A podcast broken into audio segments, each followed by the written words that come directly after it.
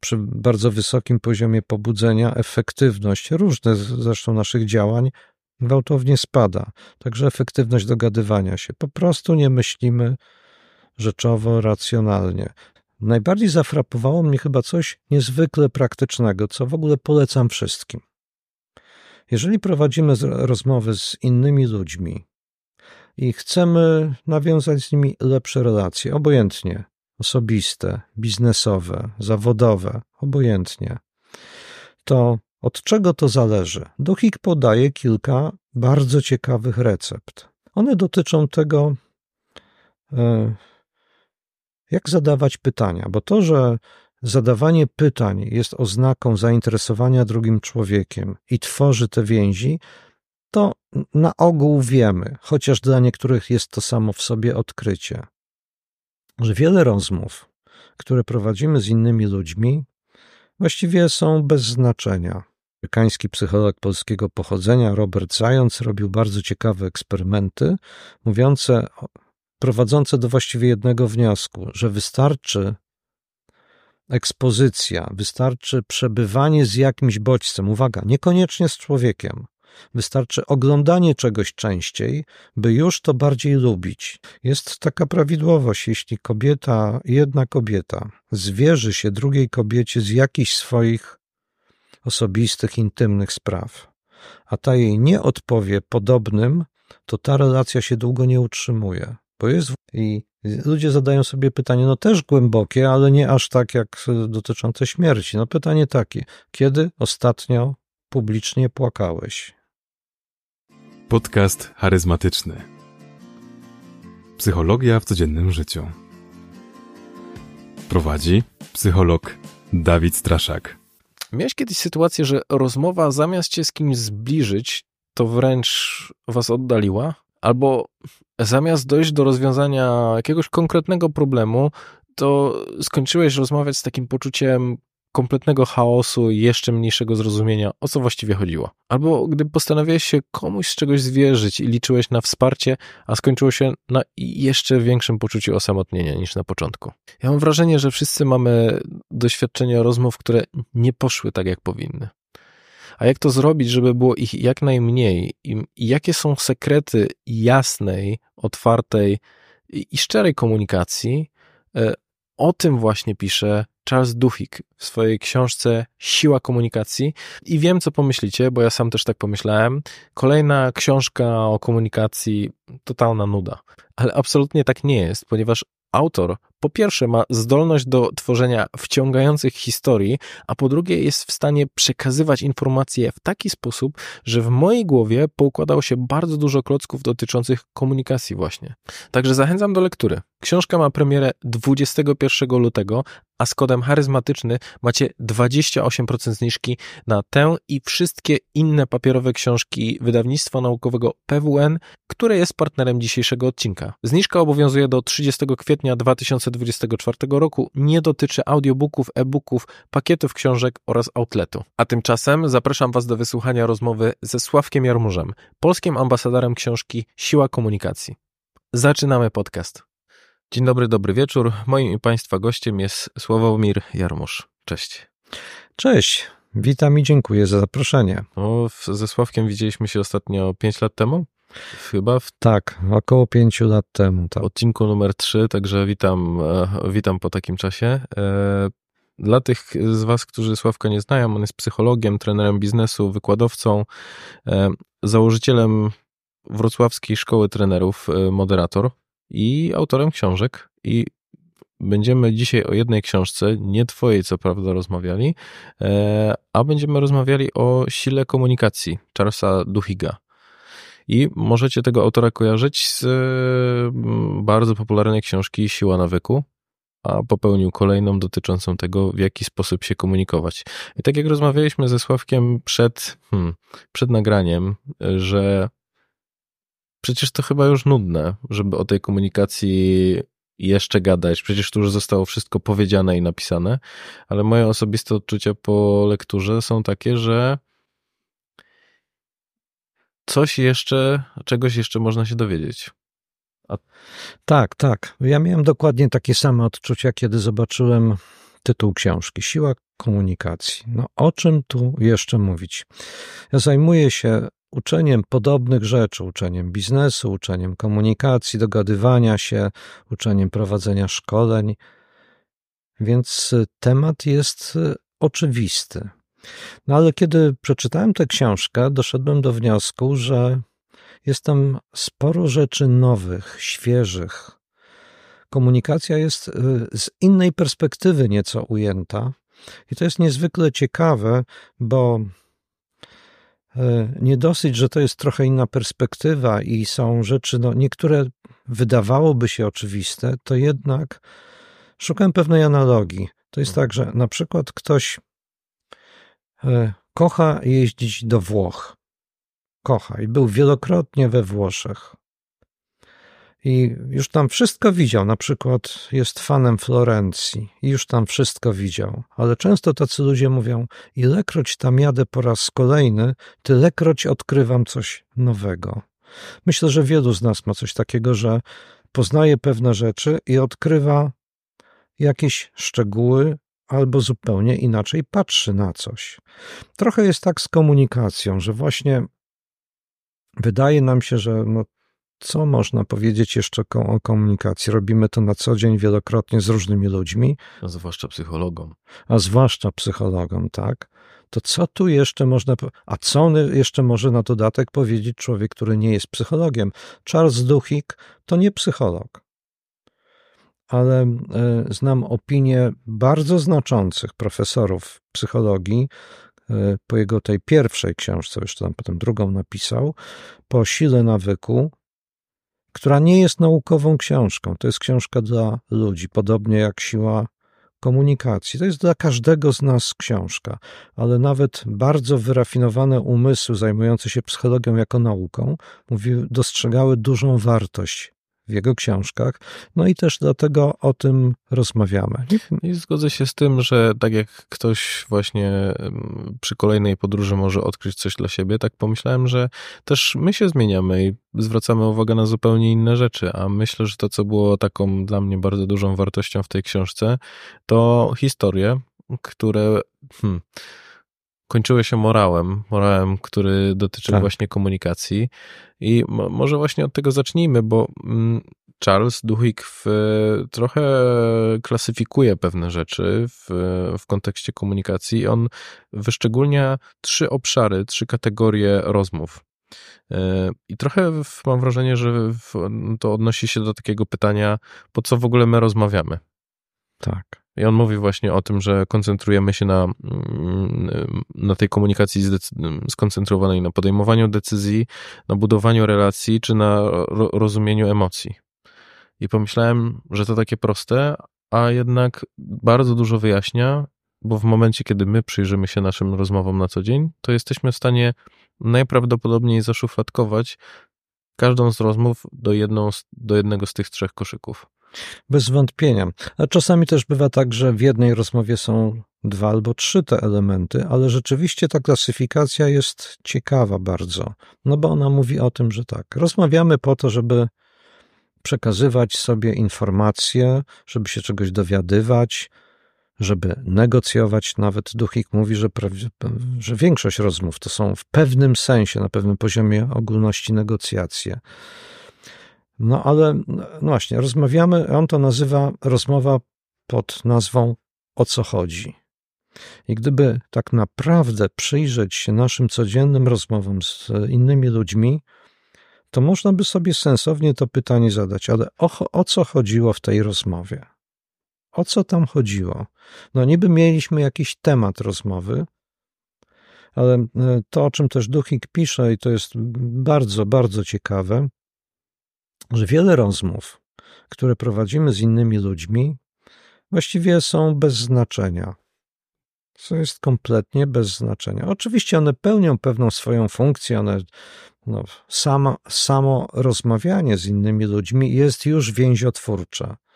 No i tutaj mm, można by powiedzieć, że to jest tak pod, podobnie jak u innych zwierząt społecznych, zwłaszcza u prymatów na przykład szympanse, spędzają ze sobą bardzo wiele czasu, siedząc naprzeciwko siebie i skając się, wyciągając sobie jakieś tam insekty. Insekty, tak.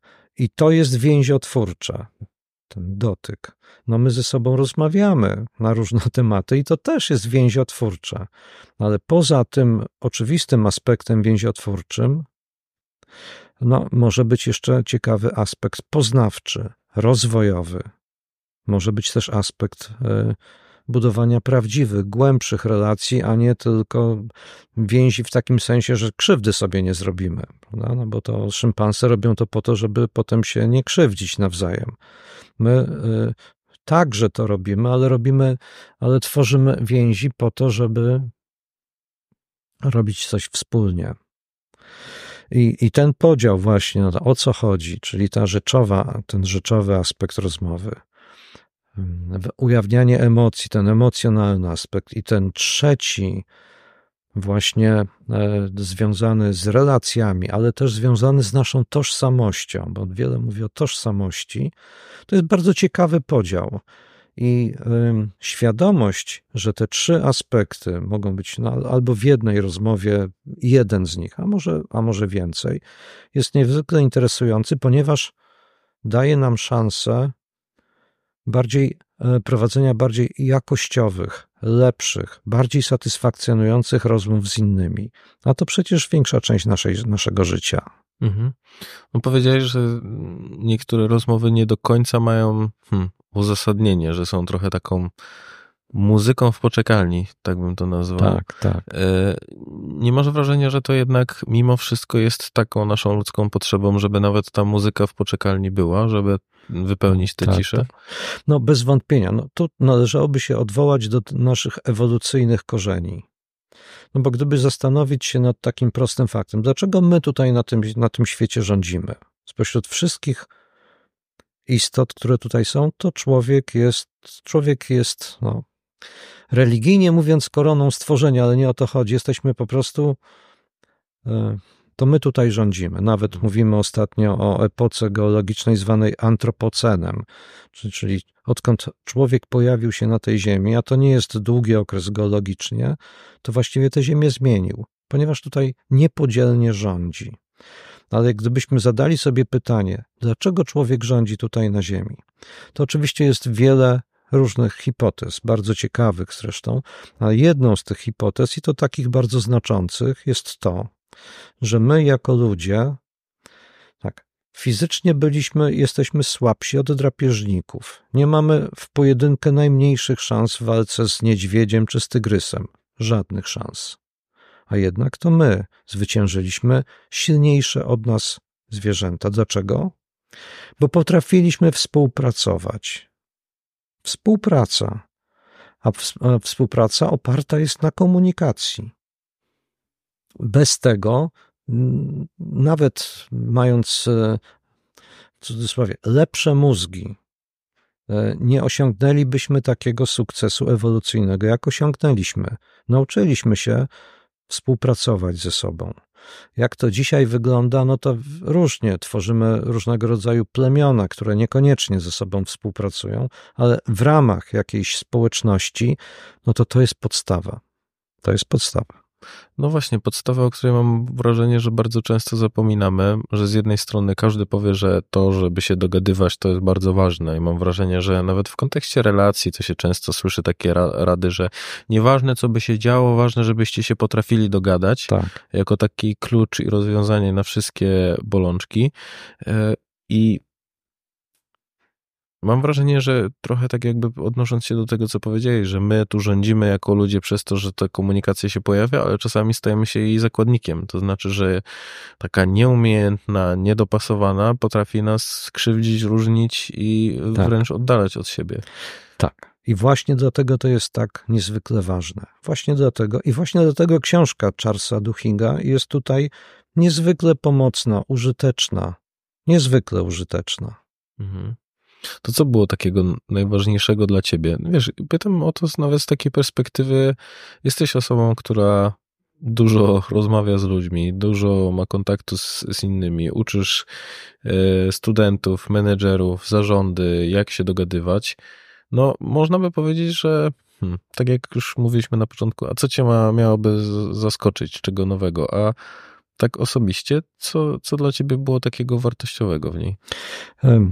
Nazwanie pewnej rzeczy, nazwanie pewnej rzeczy, która no, gdzieś sobie pewnie zdawałem sprawę, jak i wielu ludzi, ale tutaj zostało to nazwane i pokazane na, na przykładach.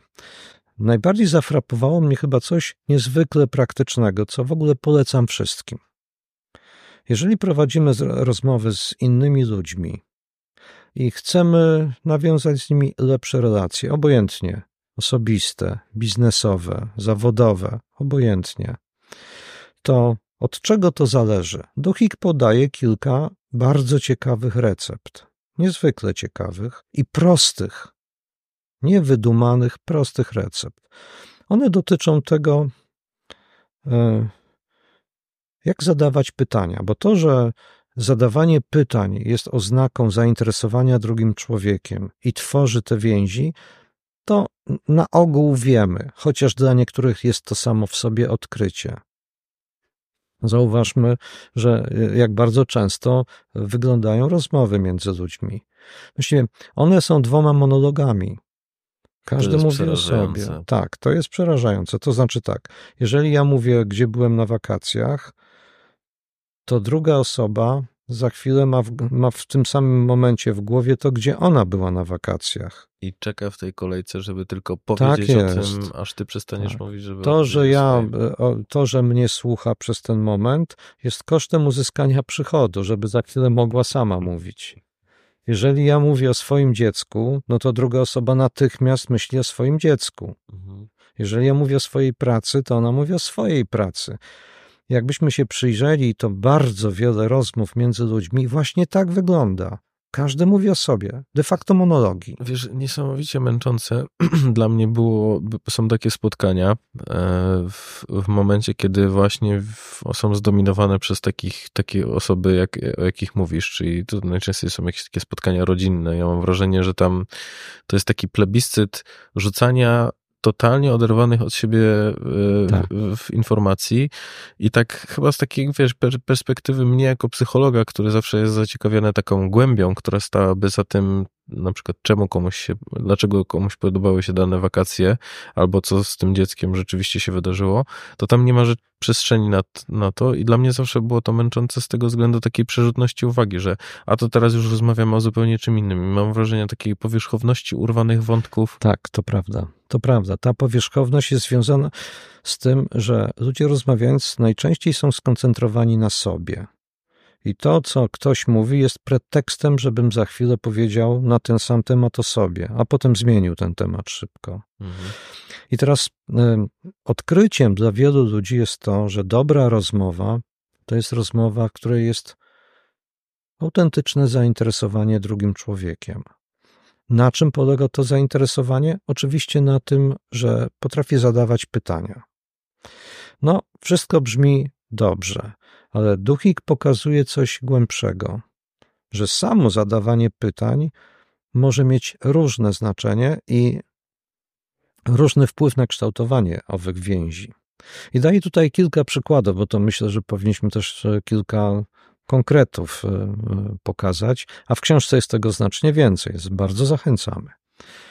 No, jeżeli kogoś zapytamy, skąd pochodzisz? Gdzie mieszkałeś? Gdzie się urodziłeś? Albo zapytamy, hmm, do jakiej szkoły chodziłeś? Albo jakie studia skończyłeś? No, normalne pytanie, że to jest pytanie o fakty, no i odpowiadamy. Już samo w sobie to nie jest złe, mhm. ale Duchik mówi o pytaniach głębszych. Może niekoniecznie zamiast, może oprócz, a może niekiedy zamiast. Więc um, ci, którzy nas słyszą, niech sobie sami odpowiedzą i widzą, niech sobie sami odpowiedzą na pytanie, jakby zareagowali, kiedy rozmawiając z kimś, ktoś ich pyta, Słuchaj, skąd pochodzisz? Z Katowic. No.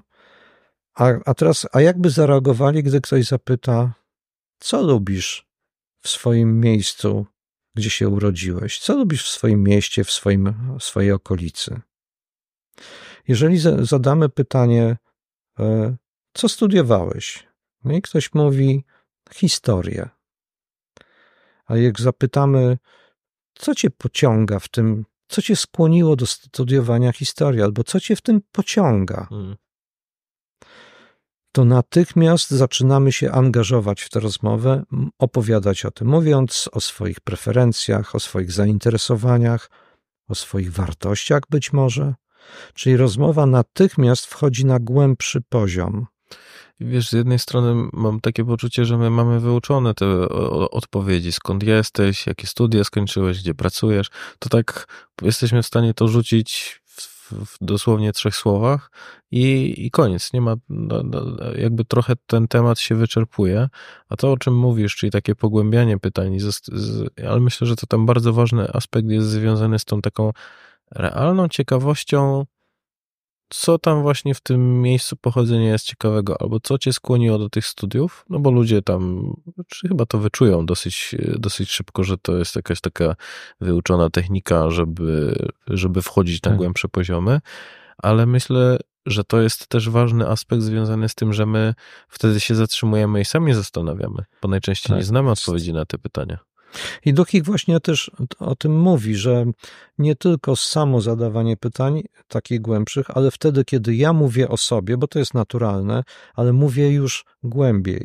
Jeżeli ty mówisz, dlaczego studiowałeś psychologię, co cię do tego skłoniło, co cię pociąga w tym, to ja ci też mogę powiedzieć, co mnie pociągnęło, dlaczego ja zacząłem studiować psychologię. I ta rozmowa. A dlaczego zacząłeś? E, No, to było bardzo, bardzo dawno temu i e, chciałem po prostu zbawiać świat. To, To było dosyć powszechne. Dosyć powszechne, idealistyczne e, przekonanie u bardzo młodych ludzi. Zwłaszcza kiedyś. Dzisiaj już pod tym względem jest inaczej. Już te odpowiedzi były bardziej asertywne. Na przykład ja o to pytałem notabene studentów przez wiele lat, na, na pierwszym roku mając zajęcia, to na początku rzeczywiście chcieli leczyć innych, pomagać w rozwiązywaniu problemów, no generalnie zbawiać świat. Ale potem coraz częściej pojawiały się, zwłaszcza jak się rozwijał kapitalizm w Polsce, to coraz częściej pojawiały się odpowiedzi. e, Chcę pracować w biznesie, chcę e, lepiej zarządzać ludźmi i tak dalej, i tak dalej. Więc Praktyczne. bardziej praktyczne, takie tak, pragmatyczne, biznesowe powody. Ale jeżeli sobie mówimy w ten sposób, to tak. Rozmowa jest ciekawsza, to po pierwsze. Po drugie, jesteśmy bardziej zaangażowani w tę rozmowę. A po trzecie, możemy się od siebie czegoś nauczyć, dowiedzieć, wiedzieć o sobie coś ważniejszego.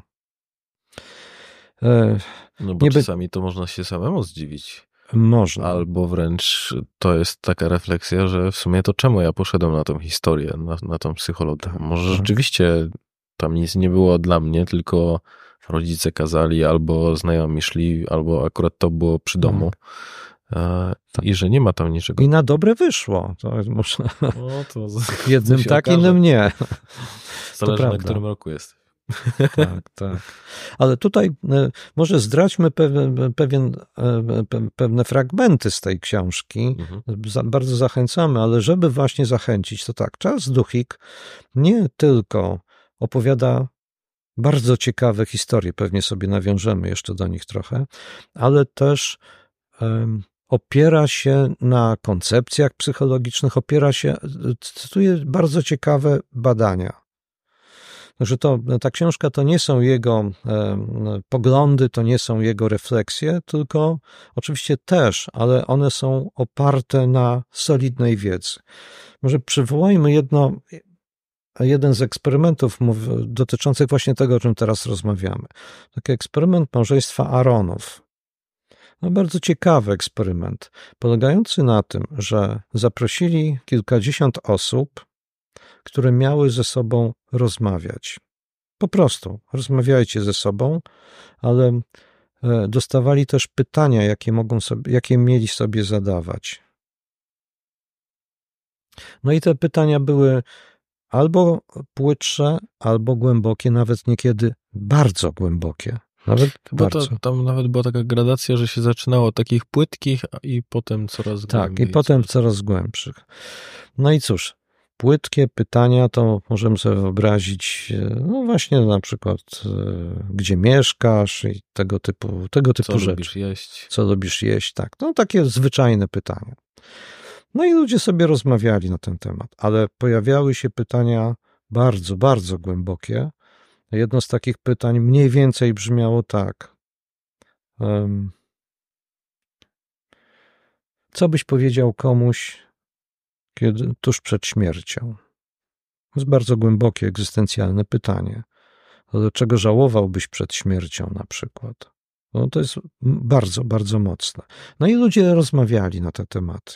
Ale co było później, co było przedmiotem, co mierzono w tym eksperymencie? Mierzono to, jak ci ludzie, a to byli, e, zaproszono osoby, które się nigdy nie znały, nie miały ze sobą wcześniej żadnego kontaktu. I po prostu obce osoby rozmawiały na tematy albo, bardziej, albo płytsze, a niektóre szły głębiej. I co się okazało? Po kilku y, tygodniach sprawdzano, czy te osoby chciały mieć ze sobą kontakt. Okazuje się, że ci, którzy rozmawiali na tematy głębsze, około chyba 75, czy no, du, du, bardzo duży, duży odsetek tych ludzi spontanicznie nawiązywało ze sobą relacje. Dzisiaj, jeżeli popatrzymy na nasze życie, z kim my mamy relacje? No najczęściej jako dorośli ludzie mamy relacje już ustalone. To jest rodzina, znajomi i tak dalej. Bardzo trudno jest wejść komuś w gron, do grona naszych bliskich znajomych. To jest Często trudne. się też mówi o tym, że przyjaźnie kończą się po liceum, ewentualnie po studiach. Po studiach, w tak. pracy, od momentu pracy ciężko jest to... Tak, zwłaszcza te bliskie, tak. Tak, mam wrażenie, że to, jakoś koresponduje z taką powierzchownością, nie? z tym pędem, tak. który mamy, bo tak. dzieci z przedszkola trzeba odebrać, bo do, Tak do pracy trzeba jechać, e, coś przygotować na weekend, więc nie ma czasu. To prawda. A tutaj wystarczyła jednorazowa rozmowa, tylko że głębsza. I nagle te więzi powstały. To jest naprawdę bardzo ciekawe. Mamy w psychologii różne koncepcje, które tłumaczą, jak te więzi się tworzą. No, jedna z takich klasycznych koncepcji psychologii społecznej, efekt czystej ekspozycji, tak to się nazywa. Amerykański psycholog polskiego pochodzenia Robert Zając robił bardzo ciekawe eksperymenty, mówiące, prowadzące do właściwie jednego wniosku, że wystarczy ekspozycja, wystarczy przebywanie z jakimś bodźcem. Uwaga, niekoniecznie z człowiekiem. Wystarczy oglądanie czegoś częściej, by już to bardziej lubić. Wystarczy oglądanie e, chińskich znaków. Jak się dłużej oglądasz chiński znak, a potem cię pytam, Dawid, który ci się najbardziej podobał? To się najba, to nie wiesz w ogóle, co na tych, co one przedstawiają, ale najbardziej podoba ci się ten, który wcześniej oglądałeś. Podobnie jest z ludźmi. Jak, jak z kimś przebywamy, jesteśmy z kimś w pracy, no to jest większa szansa, że będziemy go lubić. Ale to niekoniecznie jest ten poziom głębszy. A tutaj mamy rozmowę, gdzie są głębsze pytania i od razu głębsze też relacje. To jest niezwykle ciekawe i to jest niezwykle też ważna i użyteczna, użyteczna wskazówka dotycząca tego, jak rozmawiać z ludźmi. Bo myślę, że też ważną rzeczą, która była w kontekście tego, tego eksperymentu, e, to to, że liczyło się o to, że ludzie wzajemnie pytali się i wzajemnie sobie odpowiadali na te pytania, że to tak. nie występowało jednostronnie. Tak. Czyli, że też mm, kluczem do tej tworzenia relacji na takim głębszym poziomie jest też no, odsłonienie siebie w drugą stronę. No bo jednak, kiedy pytasz, zadałbyś mi takie pytanie, e, czego bym żałował przed śmiercią, e, to z jednej strony mógłbym odpowiedzieć, a z drugiej strony miałbym też tako, taki rodzaj obawy, no ty coś wiesz o mnie takiego bardzo intymnego tak. i jesteśmy przez to trochę asymetrycznej relacji, bo ty wiesz, a ja o tobie nie wiem.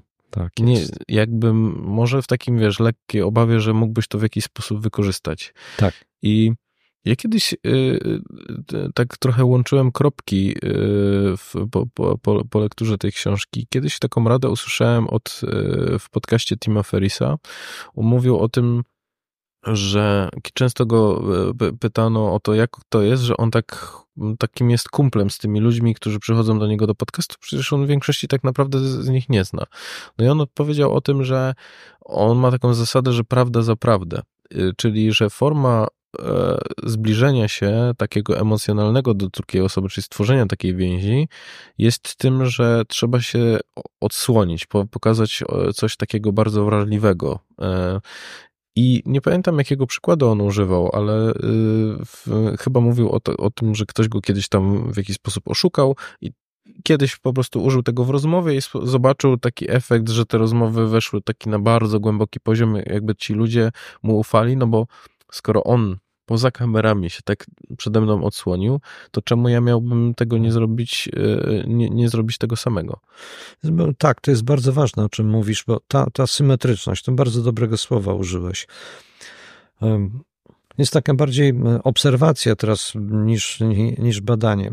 Otóż jak popatrzymy na rozmowy toczone przez mężczyzn i przez, kobiet, i przez kobiety, mężczyźni generalnie rzadziej ujawniają swoje emocje i rzadziej mówią o takich głębszych poziomach. Mhm. Zwykle jest to bardziej zadaniowe, bardziej e, chwalenie się i tak dalej, i tak dalej.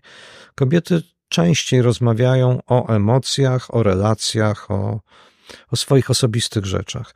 Jest taka prawidłowość, jeśli kobieta, jedna kobieta zwierzy się drugiej kobiecie z jakichś swoich osobistych, intymnych spraw, a ta jej nie odpowie podobnym, to ta relacja się długo nie utrzymuje, bo jest właśnie asymetria. Hmm. Jest asymetria. Ciekawe. Tak. Mam prośbę. Jeżeli mój podcast w jakikolwiek sposób Ci pomógł, to chciałem Cię prosić o przysługę. Jeżeli oglądasz go na YouTubie, to będę wdzięczny za subskrypcję, komentarz lub łapkę w górę. Jeżeli słuchasz na Spotify, to za ocenę podcastu lub obserwowanie.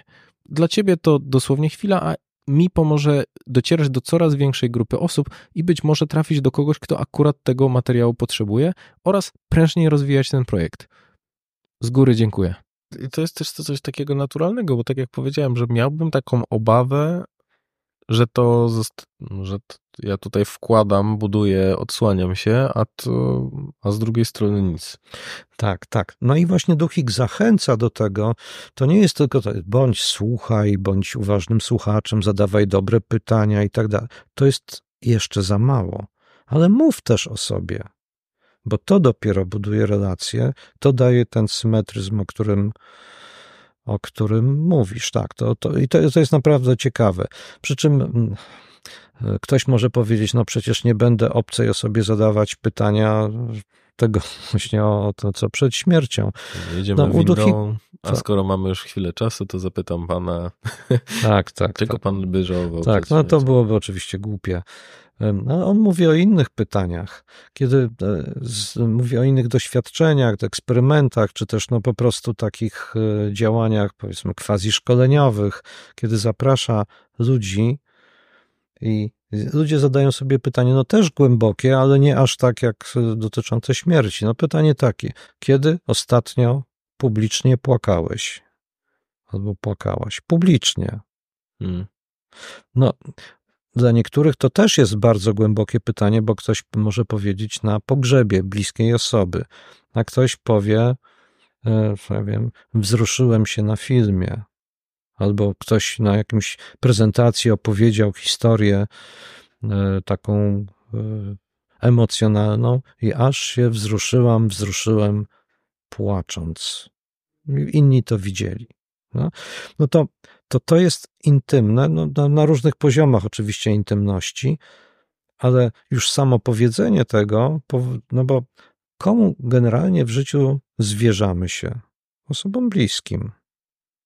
Czy mówimy o rzeczach ważnych dla nas? Osobom bliskim. Więc zadanie tego typu pytania daje szansę, że ta bliskość szybciej się stworzy. I to, to, to mnie w, w tej książce bardzo E, zainteresowało, ujęło, że dostrzegł no, niby oczywistą prawidłowość. No, był któryś raz w tej, w tej Florencji, ale zobaczył tam coś zupełnie nowego.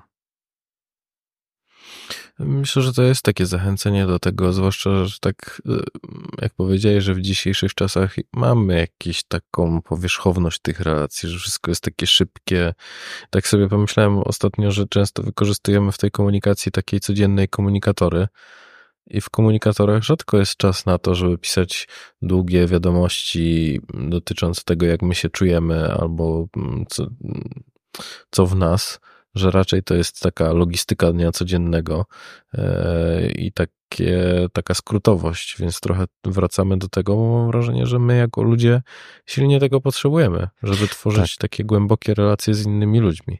I myślę, że to też odzwierciedla się w różnych takich aspektach, nie? Mówi się o tej epidemii samotności w, w obecnych czasach, ale też o takiej hmm, takiej przykrej prawdzie, którą ja często słyszę w gabinecie, że ja nie mam z kim przegadać tych rzeczy, z którymi się mierzę. Pewnie ty jako, jako taki doradca, coach też, też to słyszysz. E, no i to trochę jest niepokojące, a tutaj mamy bardzo konkretne antidotum, jak, tak. jak temu zapobiegać. Tak, no dotknąłeś niezwykle istotnej rzeczy. Rzeczywiście nasz, e, nasze życie przeniosło się do sieci, do komunikatorów, no sieć, no, czy generalnie do telefonów. Mhm. W skrócie takim myślowym. I tak, z jednej strony oczywiście nieprawdopodobnie ułatwiło różne aspekty życia, ale takiego zadaniowego. Z drugiej strony spowodowało olbrzymie spustoszenie w naszym życiu. Olbrzymie. Mamy, mm, ja mam dosyć radykalne poglądy na ten temat. Media społecznościowe to bardzo często są media antyspołecznościowe do tego, że owszem, jest, są wykorzystywane do szczytnych celów. Na Facebooku można stworzyć grupę, która ma komuś pomóc. Świetnie. I to jest, to jest jak najbardziej dobre, pożyteczne i tak dalej. No ale tam jest mnóstwo informacji, czy informacji, treści tak powierzchownych, po prostu głupich, no co tu dużo mówić. I y, dlaczego to są media antyspołecznościowe? Ponieważ one nie budują prawdziwych relacji. One nie mają nawet szans budować prawdziwych relacji. Dlatego, że no, jesteśmy istotami społecznymi, gdzie o czym też Duchik pisze mocno, że sama rozmowa to jeszcze nie wszystko. Jest jeszcze cała sfera niewerbalna. Daję przykłady, kiedy, kiedy Y, jak rozmawiać, jak zwracać uwagę też na aspekty niewerbalne. Natomiast w sieci to jest albo ograniczone, albo tego nie ma w ogóle.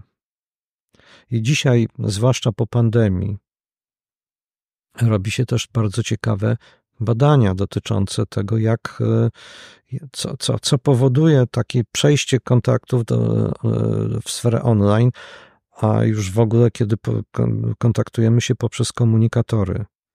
No, przez komunikator nie dotkniemy się. Przez komunikator dużo trudniej się pokłócić i pogodzić później. Jest to na poziomie naprawdę bardzo, bardzo powierzchownym, i to jest też powód, e, o czym mówią też badania różne, to jest główny powód tego, że mamy rzeczywiście nasiloną wręcz epidemię różnego rodzaju zaburzeń psychicznych z depresją na czele i próbami samobójczymi. Mówimy teraz o bardzo poważnych rzeczach, ale to się bierze gdzieś u podstaw z tego, że przestajemy się w normalny sposób ze sobą komunikować, mhm. a większość ludzi, a zwłaszcza młodych, jest uzależnionych od telefonu. Kiedyś spotkałem się z, taką, e, z takim określeniem, że rzeczywiście internet ułatwił, e, zbliżył nas komunikacyjnie do ludzi, którzy są po drugiej stronie globu, ale oddalił od ludzi, którzy są po tak. drugiej stronie pokoju. Zdecydowanie. To bardzo ładne, paradoksalne powiedzenie, ale tak jest. Tak właśnie jest. Ludzie potrafią, no, idziemy do restauracji do baru siedzi kilka osób i każdy jest przy swoim telefonie. Oni ze sobą nie rozmawiają. A jeżeli rozmawiają, to pokazują sobie filmiki z TikToka albo coś takiego. Mhm. To, to, to nie jest rozmowa. To nie jest prawdziwa relacja między ludźmi. Dlatego też e, książka Dohiga jest takim chyba powrotem do źródeł, do tego, jak naprawdę powinniśmy ze sobą rozmawiać. I mam wrażenie, że ludzie też y, tego szukają coraz częściej, coraz bardziej, że jednak ludzie już trochę są zmęczeni tym online, pracą zdalną i e, chcą po prostu powrotu tak, do takich tak. klasycznych relacji. Zdecydowanie tak jest, choć wiele osób już się przyzwyczaiło, ponieważ to jest e, telefon stał się e, negatywnym nawykiem, o których to nawykach, nawykach także Duchik w poprzedniej książce pisze, to no, niektórzy mówią, że nawyk to druga natura. No więc wielu ludzi po prostu, ja obserwuję to prawie na co dzień. Naprawdę to jest niekiedy niezwykle irytujące. Prowadzę zajęcia z grupą ludzi i już prawie nie zdarza się, prawie już się nie zdarza, żeby telefony nie, nie były tuż, tuż przy tej osobie. Mhm. I nawet jak, jeżeli umawiamy się, że nie korzystamy z telefonów, to ktoś skorzysta nie ma takiej możliwości, żeby. A jak jeżeli jest tylko minuta, jeżeli minuta nie robienia jakiejś tam nie, nie, nie, nie, nie rozmowy, czy jakichś ćwiczeń, czy, to telefon jest natychmiast. To jest nawykowe. Mm. No. no i teraz być może jedno czy dwa takie doświadczenia poprowadzenia rozmowy w taki sposób, w jaki duch ich pisze, może by trochę otrzeźwiło ludzi, że naprawdę w telefonie oglądanie ileś, no, no wiadomo, że są rzeczy czasami bardzo ważne. No, tylko, że to, że są ważne rzeczy, jest alibi dlatego, żeby większość czasu spędzać na mało istotnych, powierzchownych rzeczach. Czasami ludzie sobie robią taki eksperyment dla siebie, znaczy eksperyment, takie, jak, jakby zastanowić się, ile w ciągu dnia masz telefon przed sobą i co tam oglądasz. Ile to trwa? Jeżeli niektórzy uświadamiają sobie, że to trwa niekiedy kilka godzin, to ich zimny pot oblewa. Są aplikacje, które to pokazują tak, bardzo jasno, tak, także... Tak. I to jest, to jest, nie, nie, ja tylko tak czasami sobie patrzę, ale gdy aplikacja ci pokaże, że to są trzy godziny w ciągu dnia, co mhm. mógłbyś zrobić przez te trzy godziny sensownego? Ja nie mówię oczywiście o sytuacjach, kiedy coś ważnego mamy w telefonie, no one po to są. Tylko, że jest taka ciekawa, bardzo stara koncepcja psychologiczna, której dzisiaj już się prawie nie uczy, nawet na psychologii. To jest stara koncepcja e, autonomii funkcjonalnej Gordona Olporta. To jeszcze przed II wojną światową ten psycholog taką koncepcję. On mówił tak. To, co my w życiu robimy, zaczynamy coś robić z pewnego motywu, który jest dominującym motywem. No i ten do, do, tego dominującego motywu, z nim wiążą się jakieś mniejsze motywy, no, jakieś e, poboczne. Ale te poboczne motywy w pewnych warunkach mają tendencję do autonomizowania się i przejęcia roli takiego głównego motywu. Teraz tak, jeżeli zaczynam e, używać telefonu do tego, aby szybciej, sprawniej porozumieć się z ludźmi, no bo do tego to zostało stworzone przecież. Ale oprócz tego pojawiły się inne motywy. Ten telefon może ci służyć do rozrywki. Może ci służyć do innych jeszcze do innych powodów. A ponieważ rozrywka powoduje emocje, wywołuje emocje, na które reagujemy najszybciej, to ten motyw rozrywkowy staje się dominującym w użyciu telefonu zdecydowanie dominującym, a to, że dostajesz tam też informacje, to jest alibi, że, że używasz. I w ten sposób wpadamy w pułapkę uzależnienia od telefonu. No myślę, że to też jest hmm, taki problem, który będzie rósł. Ale chciałem też wrócić do, do, do tematu komunikacji. Mam wrażenie, mhm. że to, z czym ludzie też się borykają, o co się potykają, to kwestia prowadzenia trudnych rozmów. To znaczy, że wiedzą, że powinni komuś coś powiedzieć, ale jak mu to powiedzieć, żeby tej relacji nie zniszczyć. I widzę różne takie strategie radzenia sobie z tym. No, powiedzmy takie chałupnicze, takie, które najczęściej e, może nie do końca się sprawdzają. To znaczy, że ktoś czeka, aż w nim już tak urośnie, że po prostu komuś wykrzyczy tę prawdę w, przy jakimś drobiazgu, który mu się nie podoba. Kwestię związaną z tym, że zostawia się jakiś taki komunikat bardzo wprost e, e, powiedziane danej osobie, w ogóle nie, nie, nie biorąc pod uwagę, że ona może być zaskoczona tym, co się do niej mówi.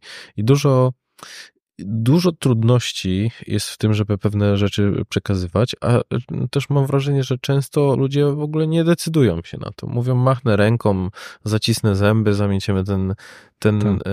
ten problem pod dywan.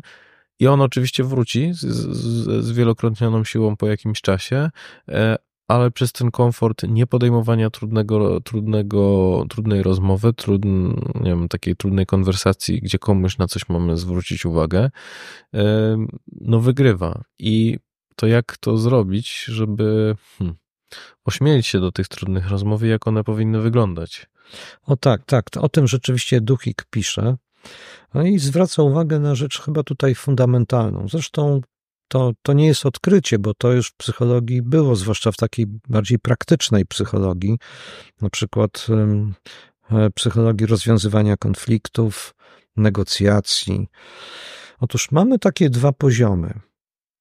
Jak rozmawiamy ze sobą, zwłaszcza na trudne tematy, to jest poziom ten taki, ten, który widać, jawny. Duchnik tam podaje taki, taki przykład, gdy małżeństwo rozmawia o decyzji dotyczącej posiadania drugiego dziecka. Ona chce, on nie chce. No, więc na poziomie jawnym to ja chcę, ty nie chcesz. Wydaje się sprawa nie do rozwiązania. No i teraz jakieś padają argumenty, bo mamy, bo chcę robić karierę on mówi, a tu dziecko może przeszkadzać, bo mamy za mało pieniędzy. Dziecko oczywiście wymaga pieniędzy. I tak dalej. Jakieś argumenty. Ale co jest tak naprawdę tym drugim poziomem, tym głębszym poziomem rozmowy? To są emocje, które się z tym wiążą. I barierą w dogadywaniu się w takich, ale też w mniej poważnych rzeczach, zarówno osobistych, jak i zawodowych, jest to, że nie ujawniamy emocji związanych z przedmiotem sporu, konfliktu, niedogadywania się. Duchik pokazuje na przykładach także z życia, jak ujawnianie emocji i rozmowa o tych emocjach daje szansę, bo też mówi zupełnie uczciwie, za zresztą pewną psycholog, i, i, to, i to jest dobre i mądre, że nie zawsze ujawnianie emocji musi doprowadzić do rozwiązania. Ale po pierwsze, daje taką szansę, a po wtóre, nie będziemy powielać tego samego. Nie będziemy powielać tego samego, nie będziemy ciągle się kłócić, nie wiedząc dokładnie o co chodzi.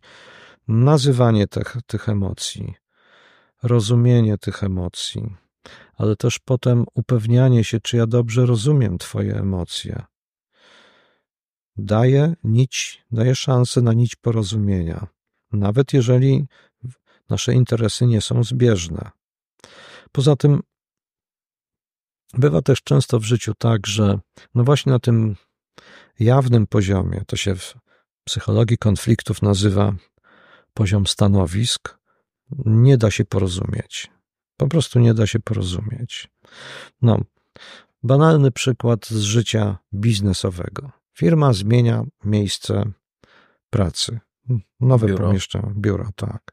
No i wtedy bardzo często są problemy, e, kto będzie siedział przy oknie. O, od razu jak o tym powiedziałeś, to sobie pomyślałem, od że razu, to jest tak, największy To jest bardzo często. Wydaje się błaha rzecz dla ludzi, którzy pracują codziennie. No dzisiaj jest praca online, ale ci, którzy pracują stacjonarnie, to jest naprawdę bardzo ważna rzecz. No i powiedzmy dwie osoby kłócą się o to, kto ma siedzieć przy oknie. No jak, ten, jak to rozwiązać? No przychodzi szef i mówi, no ponieważ ty chcesz i ty chcesz przy oknie, no to co? No to zrobimy rotacyjnie. Ty będziesz przez tydzień przy oknie, a ty drugi tydzień ty będziesz przy oknie. No i jaki jest efekt? Ani jedna, ani druga strona nie jest zadowolona. Ale gdyby ten szef zadał im pytanie o ten głębszy poziom, nie? Dlaczego chcesz? Dlaczego chcesz siedzieć przy oknie? To mogłoby się okazać na przykład coś takiego. Ja chcę siedzieć przy oknie, mam kłopoty ze wzrokiem, a od czasu do czasu patrząc przez a tam są drzewa, to to dobrze działa na mój. Zresztą e, lekarz mi zalecił, żeby co jakiś czas e, patrzeć na zieleń, bo to dobrze robi dla mojego, dla moich oczu. No dobrze, a dlaczego ty chcesz siedzieć przy oknie? Pyta szef drugiego człowieka. A, bo tutaj przy oknie jest kaloryfer, a ja lubię ciepło. A ja lubię ciepło. Bardziej się czuję, jak nie jest. No i teraz, jeżeli ujawnimy swoje prawdziwe interesy, no to konflikt można rozwiązać, bo jeżeli ty chcesz, jeżeli tobie chodzi o oczy, to ty siadaj przy oknie, a jeżeli tobie chodzi o to, żeby było ciepło, no to będziesz miał, zrobimy miejsce przy drugim kaloryferze, będzie ci ciepło. No ale tu mówimy może o takim trochę prostym przykładzie, ale w, w kontekście y, dziecka, e, czy będzie to drugie dziecko, czy nie, no to tam padły bardzo jasno konkretne e, rzeczy związane z tym, że ja nie chcę, bo kariera, bo nie mamy pieniędzy. E, no i pytanie, czy są takie rzeczy, które rzeczywiście jesteśmy w stanie rozwiązywać? To jest jedna rzecz, a druga, czy nie ma też takiego założenia w Twojej wypowiedzi, że mamy do czynienia z ludźmi świadomymi i przez to są świadomymi swoich potrzeb. Bo często mam takie poczucie, że ludzie są w stanie powiedzieć: Ja nie wiem, czemu tego chcę. Mhm. Tak, tak, tak, oczywiście bywa. Ale co pomaga w znalezieniu tego? No właśnie, ujawnianie emocji. To pomaga. Jestem wkurzony, jestem zirytowany y, tym, że nie chcesz uwzględnić moich potrzeb.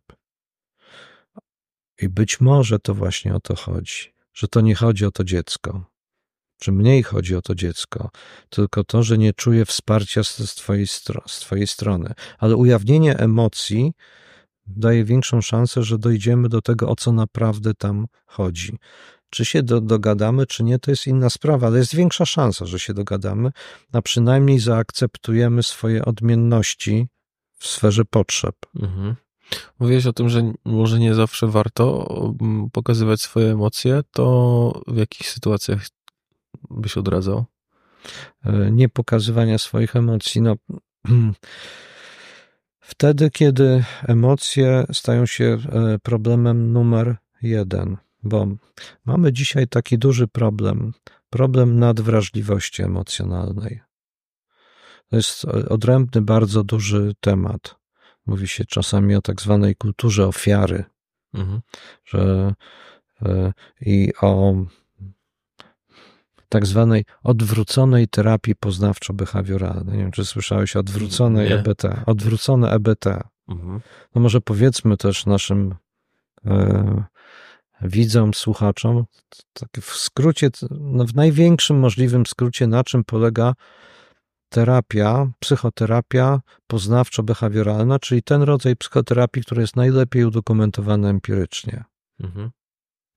Otóż on polega na tym, że jeżeli człowiek ma jakiś problem, taki czy inny, to zakładamy, że początek tego problemu leży w pewnych przekonaniach, sposobach spojrzenia, co ty myślisz o świecie. Że masz soczewkę, która trochę zniekształca. Ta... Która zniekształca. Na przykład zniekształca spostrzeganie samego siebie. Jeżeli uważasz, że jesteś osobą nic nie wartą, że się do niczego nie nadajesz, no to to wywołuje pewne emocje. A te emocje są też związane z pewnymi zachowaniami.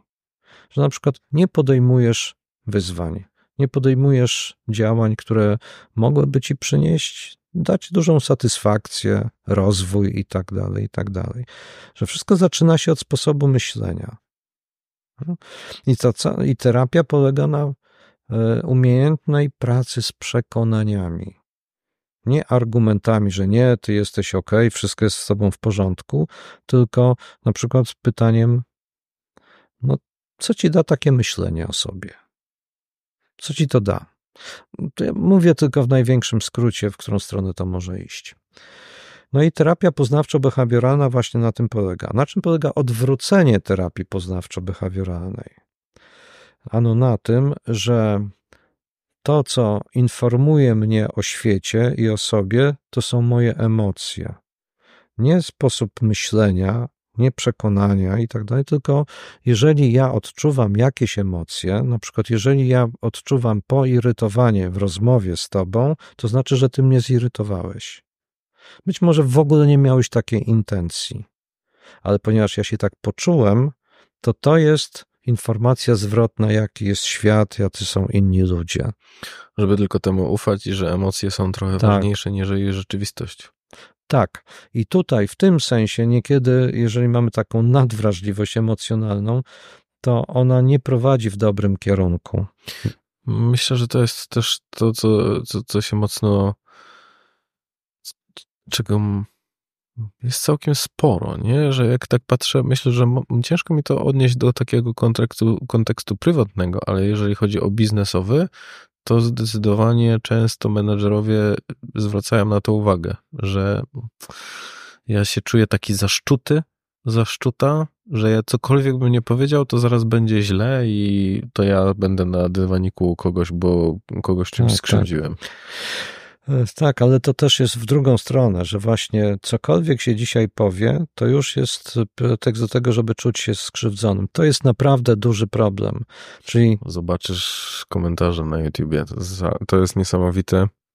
E, to jest dla mnie taka ciekawa rzecz, że ja e, w pewnym momencie zacząłem się autocenzurować, żeby tak. pewnych rzeczy nie powiedzieć, a potem totalnie przestałem się przejmować, bo pomyślałem, że nieważne co bym powiedział, to i tak ludzie się przyczepią. Jestem w stanie wskazać, Zawsze się przyczepią. w których momentach tej rozmowy i czego będą dotyczyć komentarze, e, ale już... Tak będzie, tak będzie, tak, tak. I ty do, tobie się oberwie i mnie się oberwie. To jest, to jest pewne, to jest pewne.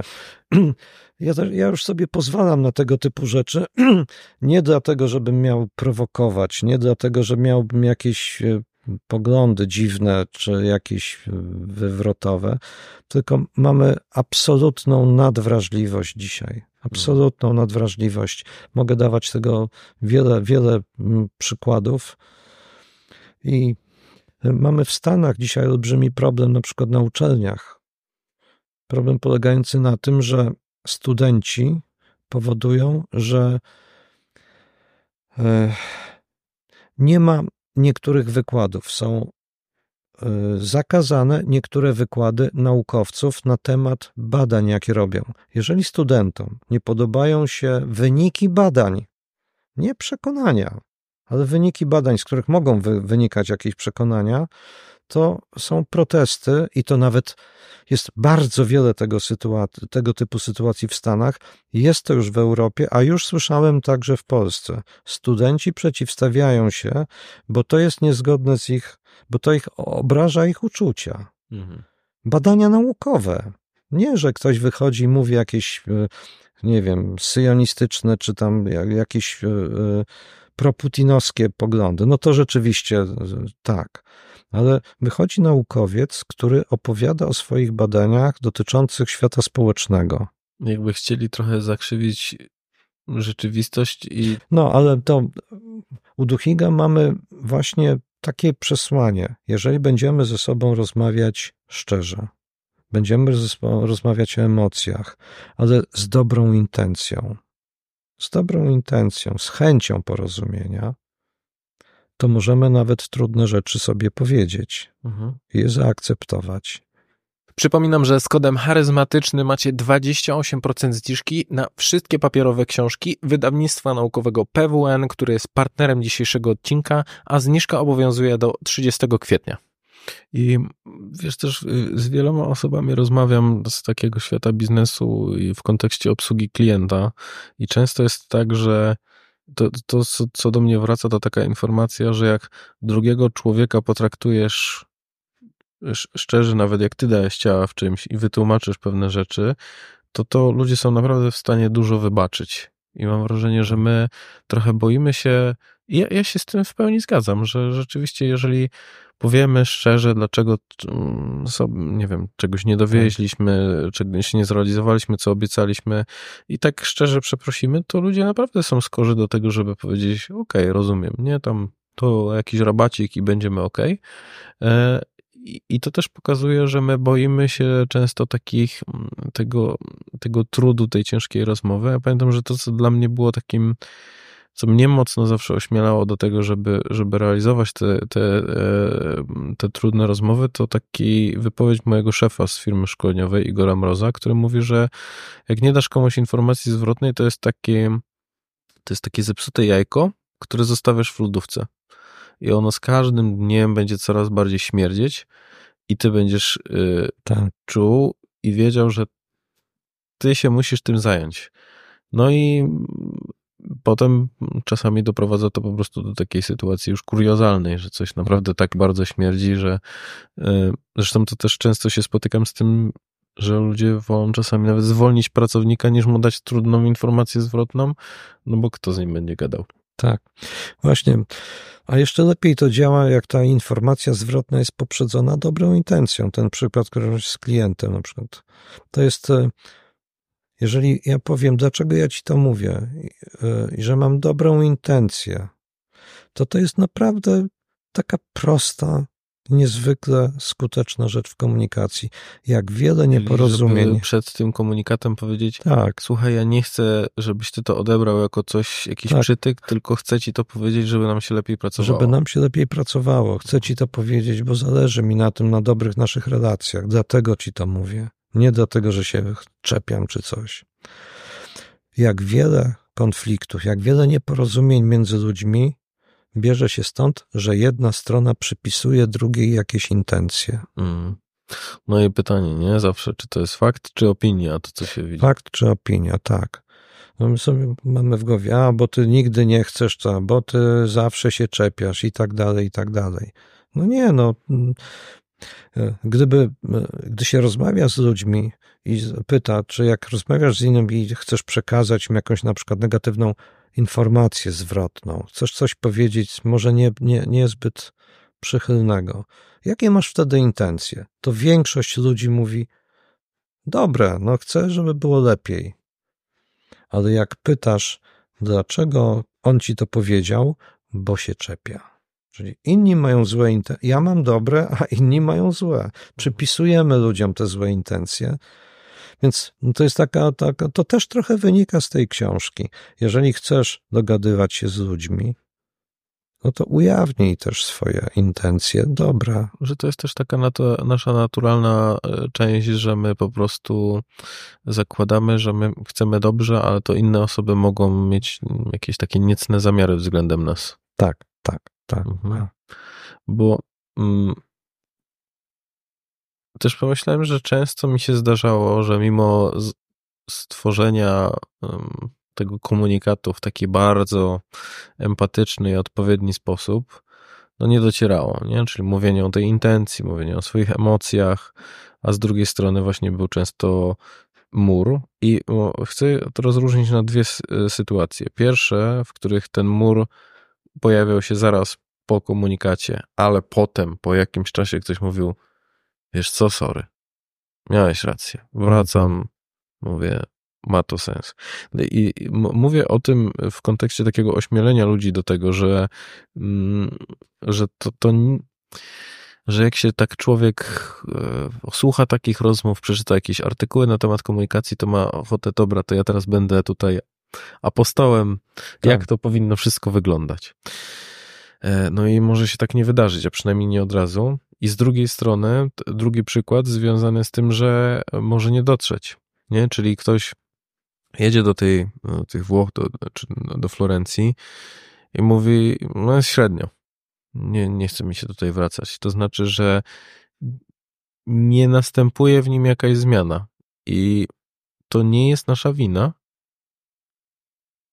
i my z, chyba to, co do mnie najbardziej przemawia, to to, żebyśmy my zrobili co mogli, żebyśmy nic nie sobie nie mieli do zarzucenia, a jeżeli druga strona nic z tym nie zrobi, no to trudno. No tak, tak, to prawda. podejmij wysiłek, podejmij pewne kroki, no ale no, jak to śpiewali kiedyś pewni szansoniści, do tanga trzeba dwojga, no. Do Mhm. tanga trzeba dwojga i nie ma się potem co biczować, jeżeli to nie wyszło, ale warto podjąć e, ten wysiłek. I tak jak mówisz, często to efekt bywa pozytywny, ale po pewnym czasie. Po No bo pewnym... po 20 latach. Tak, no tak bywa, tak też bywa.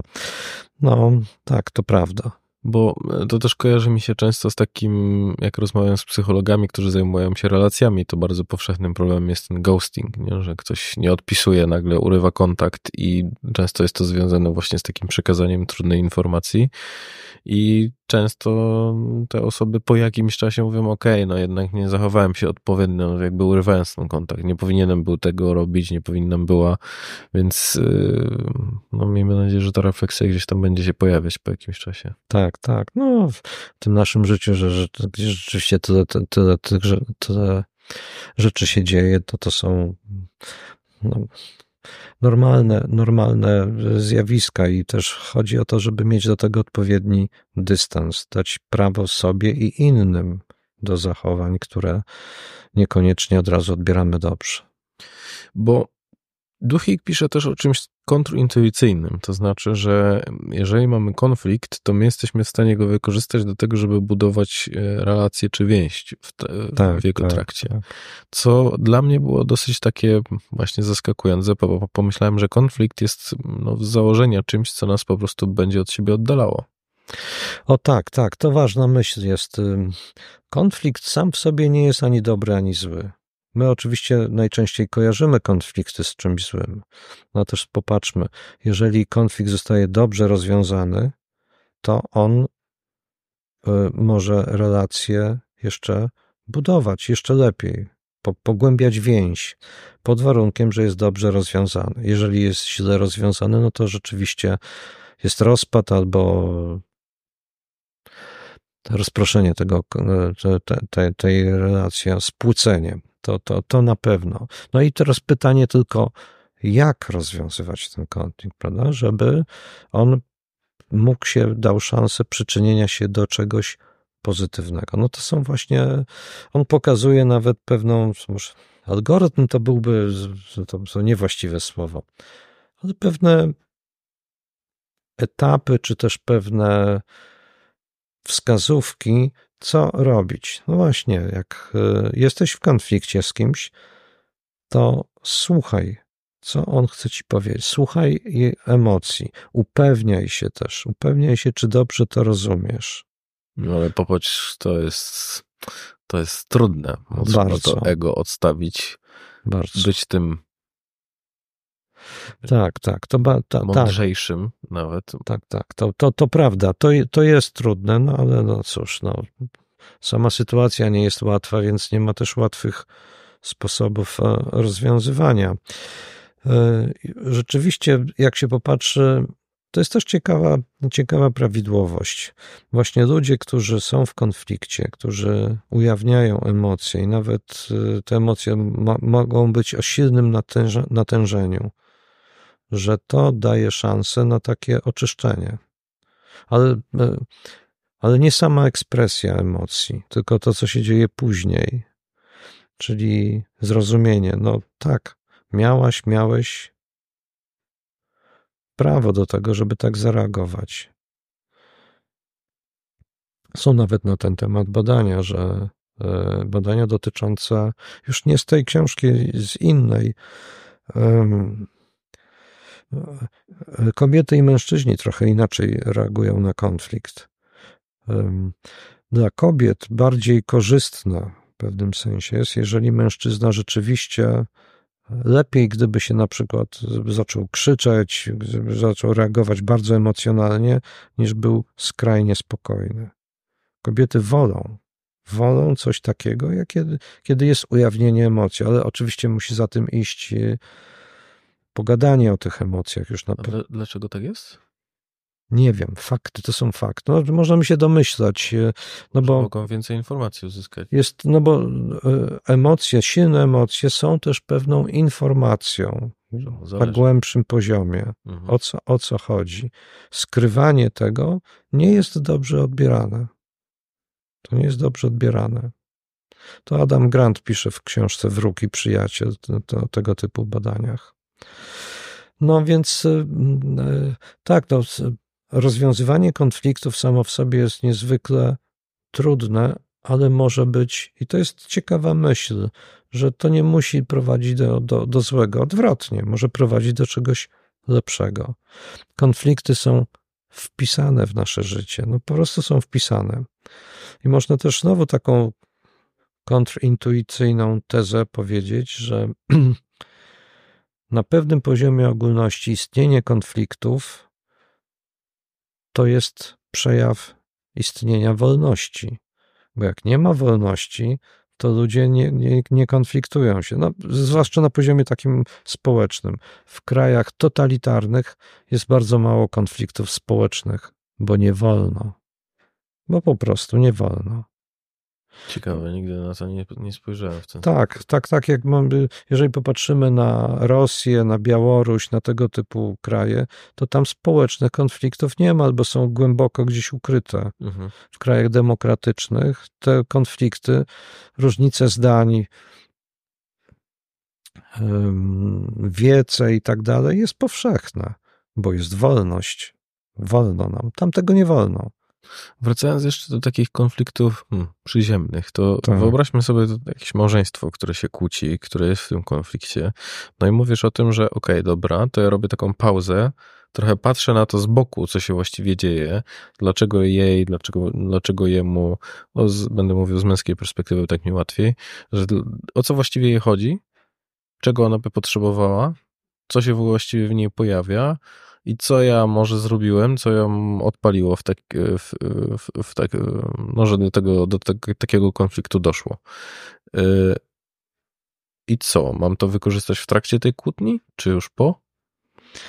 No, jeśli są silne emocje, to w trakcie nie wykorzystasz, dlatego że no, mamy. Nie ma sensu. Nie, nie, nie, ma, nie ma sensu. Poza no, działa coś, co w psychologii znamy od ponad 100 lat, tak zwane prawo Jerkesa Dodsona, które mówi o tym, że przy, że poziom, przy, przy bardzo wysokim poziomie pobudzenia efektywność, różne zresztą naszych działań, gwałtownie spada. Także efektywność dogadywania się. Po prostu nie myślimy rzeczowo, racjonalnie. Więc tutaj oczywiście obniżenie tych emocji, obniżenie poziomu pobudzenia sprzyja spojrzeniu bardziej racjonalnemu. I to, I to jest później, to jest zwykle później, no bo emocje nie mogą przez dłuższy czas się utrzymywać na takim poziomie, ponieważ organizm by tego nie wytrzymał.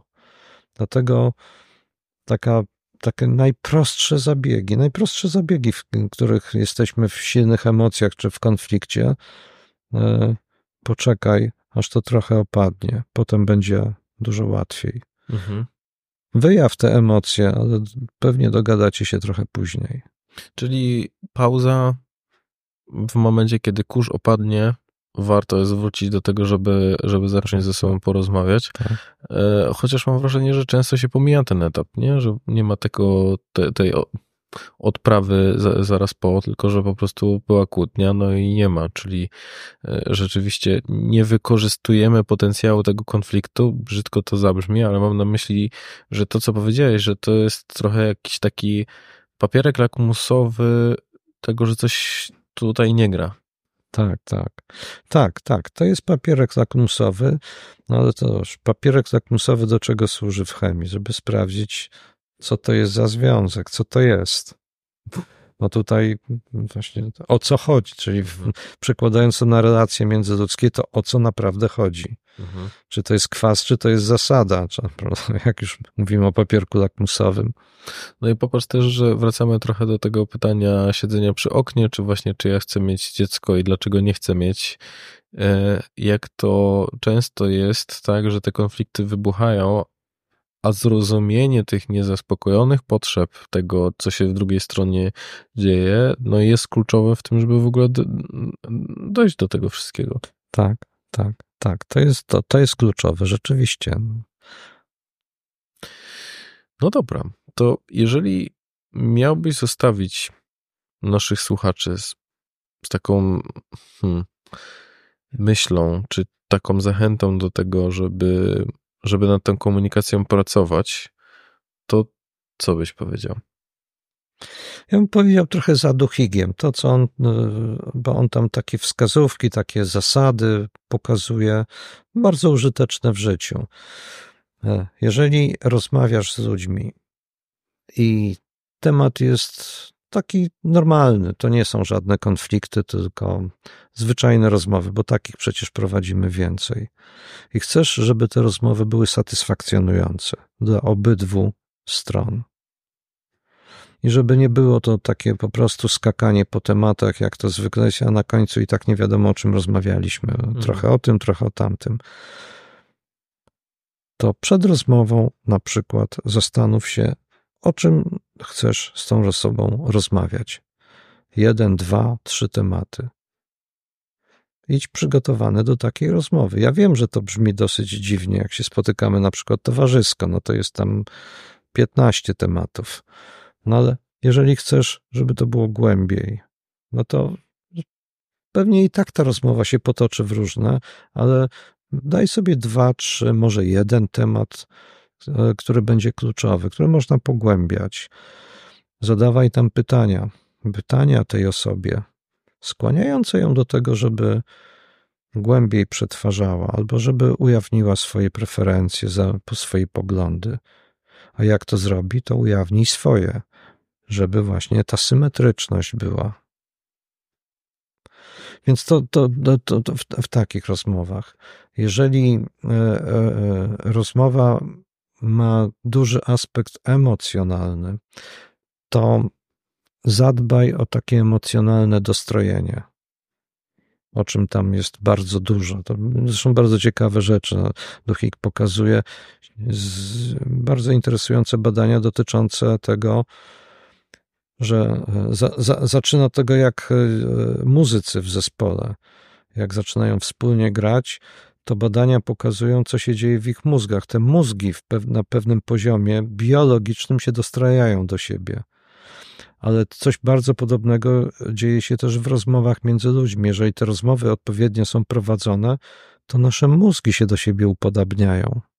Mhm. I czujemy też, jak po prostu zgrzyta nam to w momencie, kiedy my się z kimś nie dogadujemy i mamy tak. wrażenie, jakby on tak. mówił o jednym, a my o całkowicie tak jest. O, o innym. Tak. Więc jeżeli, jeżeli ta rozmowa dotyczy właśnie kwestii emocjonalnych, to zadbaj o dostrojenie. On pokazuje, jak to zrobić. Nie będziemy zdradzać tajemnicy. Hmm. to i tak nie jest niczym takim zaskakującym, bo mam wrażenie, że to wszystko, co jest w tej książce, to jest takie ładne nazwanie tego, co my gdzieś widzimy, stosujemy nieświadomie, obserwujemy też u innych, więc myślę, że to nie... A tak, ale, ale ujawnienie tego, nazwanie, pokazanie przykładów, pokazanie pewnych reguł, które z tego wynikają, bardzo pomagają. I to, to jest główny walor tej książki. A i, i ostatnia rzecz, jeżeli rozmawiasz z kimś, to zadbaj o to, o czym tam jest właśnie jedna trzecia książki, o